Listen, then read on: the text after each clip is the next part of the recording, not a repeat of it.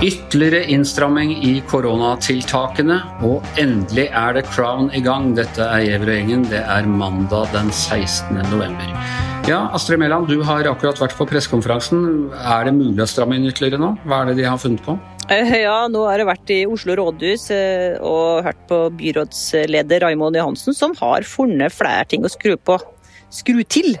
Det er absolutt eh, flere, flere knepp igjen da, før vi nærmer oss søreuropeiske tilstander. og I dag så har han gått uh, til angrep, da, skal vi si det? Nei, det var, kan vi ikke si. Men han har stramma nå for dem som er mellom 13 og 19 år. Og Hva slags innstramninger er det det er snakk om? For det første så kommer det til å bli mer hjemmeskole i ungdomsskolen. De har gått over til et sånn eh, smittenivå eller et eh, tiltaksnivå som heter rødt i ungdomsskolen. Det betyr at eh, de kan dele opp klasser og at elevene må være sammen i egen kohort og ha avstand i klasserommet sånn. Så det kan bety en del hjemmeskole og oppdelte klasser og sånn.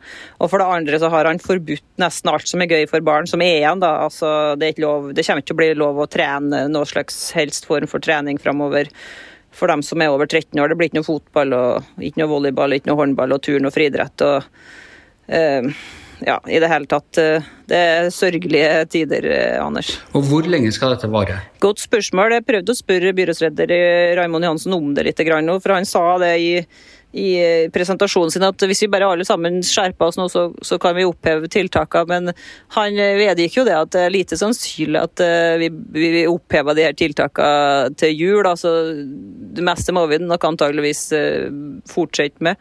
Kanskje ikke mest inngripende, da, men det er klart at hvis en bare åpner opp igjen etter å ha fått en liten nedgang, så kommer jo bølgen på nytt igjen. ikke sant? Og uh, Dette er det da bystyret i Oslo, Raymond Johansen står bak. Er han på linje med andre myndigheter her, eller er dette nok en gang et litt sånn skisma mellom, eh, mellom eh, de sentrale helsemyndighetene og Oslo kommune? Ja, Godt spørsmål, Anders. Det var jo litt krangling mellom Norge og Oslo har vært i den koronahåndteringa hele veien, helt fra mars. Raymond Johnsen var jo først ut med å være streng.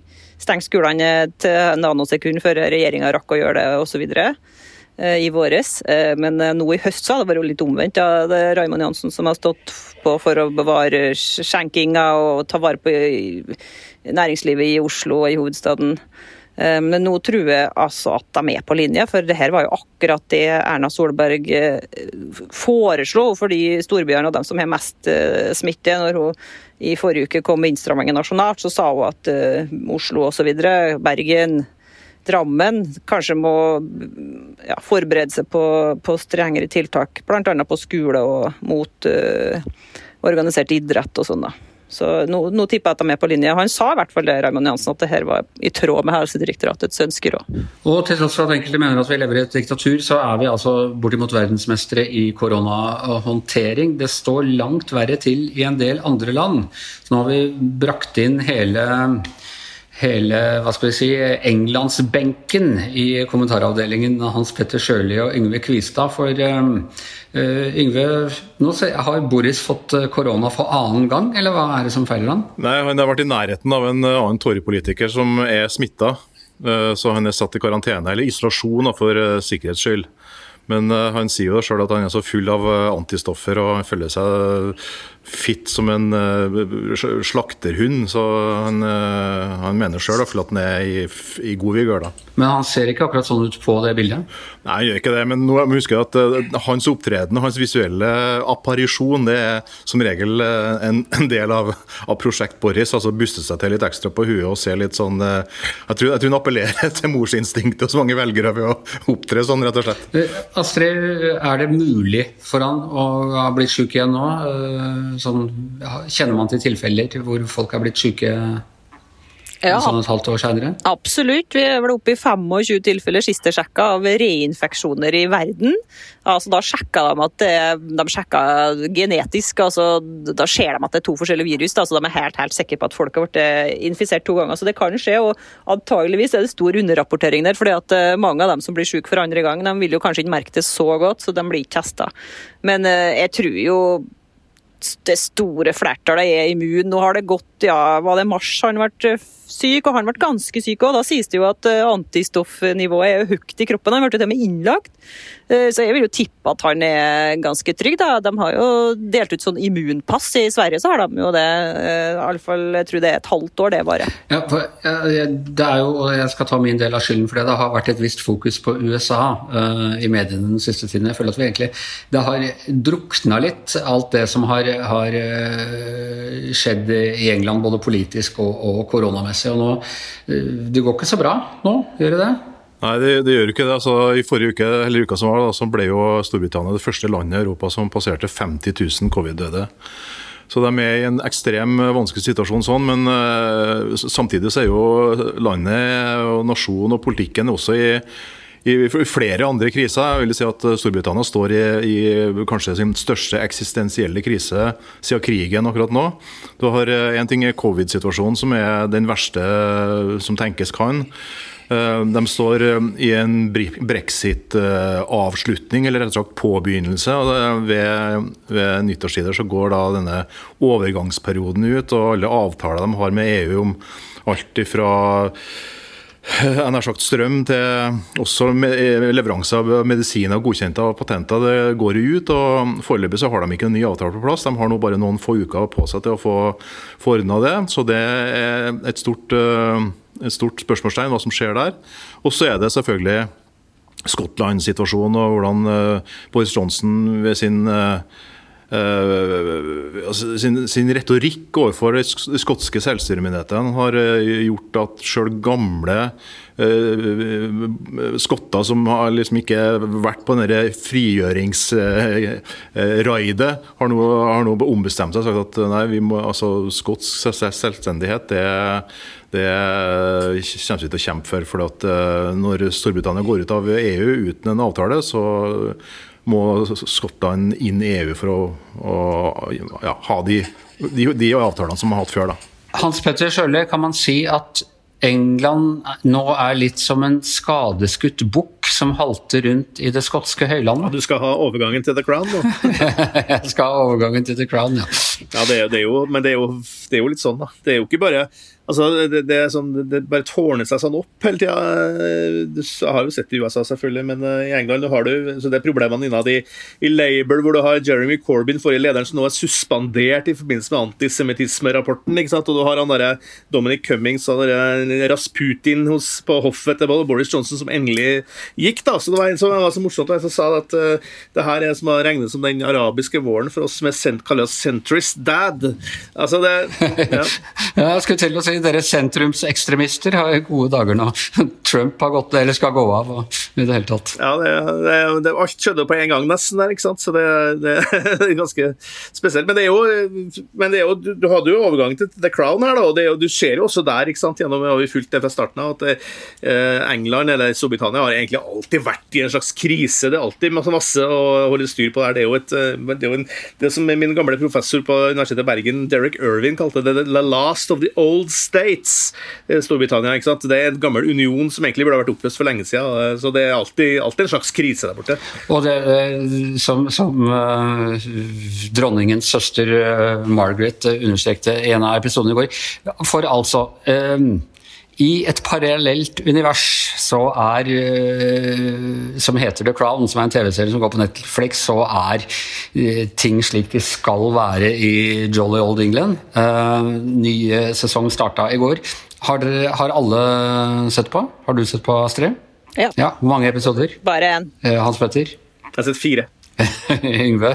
Ja, da jeg òg benka meg til med min fineste hosebåndsorden og martiniglasset fra The Duke og sank ned i Chesterfielden og binge-watcha The Crown i, i, går kveld og i natt. Så... Hvor mange episoder? Nei, Jeg så ikke fire, nei, men jeg, jeg, jeg måtte gi meg inn i den tredje. ok, Hans Petter leder. Eh, jeg, jeg, så bare to, drakk eh, gin tonic til. Men det er jo helt fantastisk, den serien.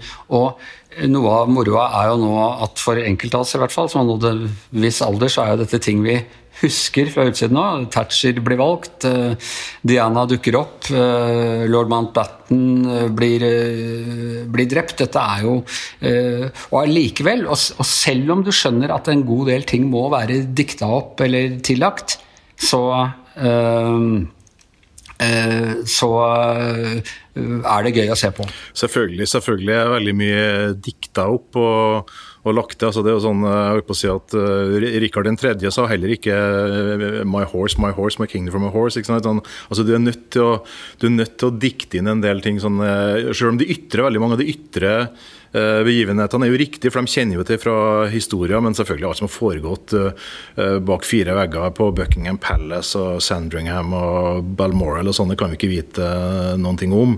Sånn at det er jo, det er jo tillagt. Men, men, samtidig så er det jo sånn, det er jo sånne ting som godt kunne ha skjedd. fordi at Altså det Peter Morgan har gjort, han har jo analysert hver eneste karakter og gått inn i deres eh, virkelig indre og prøvd å tenke seg hvordan de ville ha operert i en sånn og sånn eh, setting. Så, så selv om at du rituelt får alle de biografene som nå står frem og sier nei, dette har aldri skjedd og sånn kunne det aldri vært, og, og han biografen til Maggie Thatcher, eh, redaktøren i The Telegraph, han er jo helt spastisk og avviser jo absolutt alt. ikke sant? Men det er jo fordi at det her er, det er fiksjon, det er drama. Hans Petter, eh, du er jo historiker. og eh, Nå er det en diskusjon rundt denne Atlantic Crossing, hvor det viser seg at eh, kronprinsesse Märtha faktisk var den som vant annen verdenskrig. Og det er det kjempereaksjoner på. Hva er det som gjør at man kan godta The Crown, men ikke Atlantic Crossing? Jeg, først, tror at jeg kan si at The Crown er faktisk ganske mye bedre enn Atlantic Crossing. Jeg har, jeg har sett litt på det. Jeg syns det er ganske stivt og kjedelig program. Kjedelig show. Mens The Crown er helt briljant. Altså, det er alle de beste skuespillerne. Det er, en, det er et budsjett, ikke minst. Altså, det er så storslatt. Og det er så, og det er så Jeg tror NRK føler at det var et greit budsjett på Atlantic Crossing også. Det var altfor stort, sikkert. Men ikke i nærheten av The Crown, som altså, fortsatt er, fortsatt den dyreste TV-serien noensinne. Men altså, det, det oser talent i alle, alle scener. Jeg syns skuespillerne her, f.eks. Måten altså, Vi har jo vært opplært eller Alle sammen trodde jo liksom at Diana hun var den veldig beskjedne, sky, liksom veldig forsiktige. Mens i serien her så er hun jo utrolig sjarmerende på privaten ikke sant? og er leken og gøy. og Man får jo en sånn Eh, mye mer dybde i karakterene enn det, det, vi har på en måte sett for oss. da på, uh, ja, har, Det er jo som du sa, Anders, det er jo, det er jo samtidig med oss. der, Det er det som er så veldig spennende med sesong fire. I hvert fall for min del i forhold til de andre. Ja, det er ikke Shakespeare som venta 400 år før, før, han begynte å dramatisere? Yngve? Nei, og Noe som er litt sånn påfallende med serien, da, det er jo at uh, Eh, at The Crown ser ut til å forstå Diana bedre enn hva kongefamilien gjorde i, i virkeligheten. Og uh, Nå tror jeg nok at det er ting som er også litt sånn tilpassa her, uh, selvfølgelig. For at det er, en, det er, en, dramaturgisk ligning som også skal gå opp til slutt. Men jeg syns jo det at de har har lagt veldig gode, gode, føringer for hvordan utviklinga her, her, skal bli. Altså, jeg vet jo at Når jeg kommer meg hjem nå, så kommer jeg til å slå på TV-en og bli sittende opp i natt igjen for å se resten. For det er jo Selv om jeg vet hvordan det går, så er det ulidelig spennende. Men veldig mye av spenninga er knytta til hvordan de har løst det. Så, og, og for eksempel, eh, Nå skal ikke vi ødelegge for folk som ikke har sett det her. Må ikke men, spoile og fortelle at uh, Thatcher blir statsminister og sånn. Nei, men, men for eksempel, det, er jo, det, er jo, det er jo en sekvens der hvor hvor eh, Thatcher og husbonden Dennis eh, skal til Balmoral og utsettes for The Balmoral Test, som visstnok da er et begrep Vi legger til at Balmoral er altså hytta til kongefamilien, det er hytta til kongefamilien oppe i, oppe i Skottland der. Uh, og, og, dette er angivelig en eller annen sånn innarbeid greie, da, og det er en god ting at det er. Men, så, men sånn som det fremstilles, så så ville jo de fleste heller enn å tilbringe en, en weekend på Balmoral, så ville jo heller hatt en uke på Bates motell. Det er jo helt sånn skrekk merkelig hvordan det er horror eh, Det er jo Adams Family ikke sant, som, som inviterer. Så det, men det, det, er veldig morsomt, for det er det som gir meg vet du, Kanskje jeg spoiler litt, men det er når Diana har sin første opptreden på Balmoral, det er hun, hun, virkelig eh, slår gjennom her ikke sant, og vinner tilliten, ikke minst hos han gamle, sure, grinete Philip. ikke sant, Så det er ganske forskjellig entrance da, på det Diana gjør der, og Thatcher, som jo på en merkelig måte blir fremstilt som en slags sånn uh, klassekjemper i den serien her. Det, det er også litt spennende, syns jeg. Jeg må si jeg har aldri følt så mye sympati for ekteparet Thatcher som jeg gjorde i et par av de scenene fra når de ydmykes av kongefamilien der. Nei, altså, det, er, jo ikke tatt ut av løse lufta, akkurat den biten der. for Det er jo en av de store misforståelsene om, om Thatcher. At det var så høyrevridd at hun, at hun altså, var utafor folkeskikken. Eh, til høyre for virkeligheten, som en eller annen skrev. Men men, men hun, hun, ville jo virkelig bryte ned deler av det gamle klassesamfunnet. Fordi at, uh, for at hun så det var den muligheten å kunne uh, sagt restarte, restarte, det på. Det er litt sånn som Boris holder på nå. Men, men, uh, og det er også en sånn Hun ville, hun ville drain the swamp. Ja, men det er, også, det er, også, en sånn ganske god scene i i The Crown, når uh, ekteparet Thatcher blir utsatt for denne, denne uh, The Balmoral Test. Uh, hvordan de reagerer på det.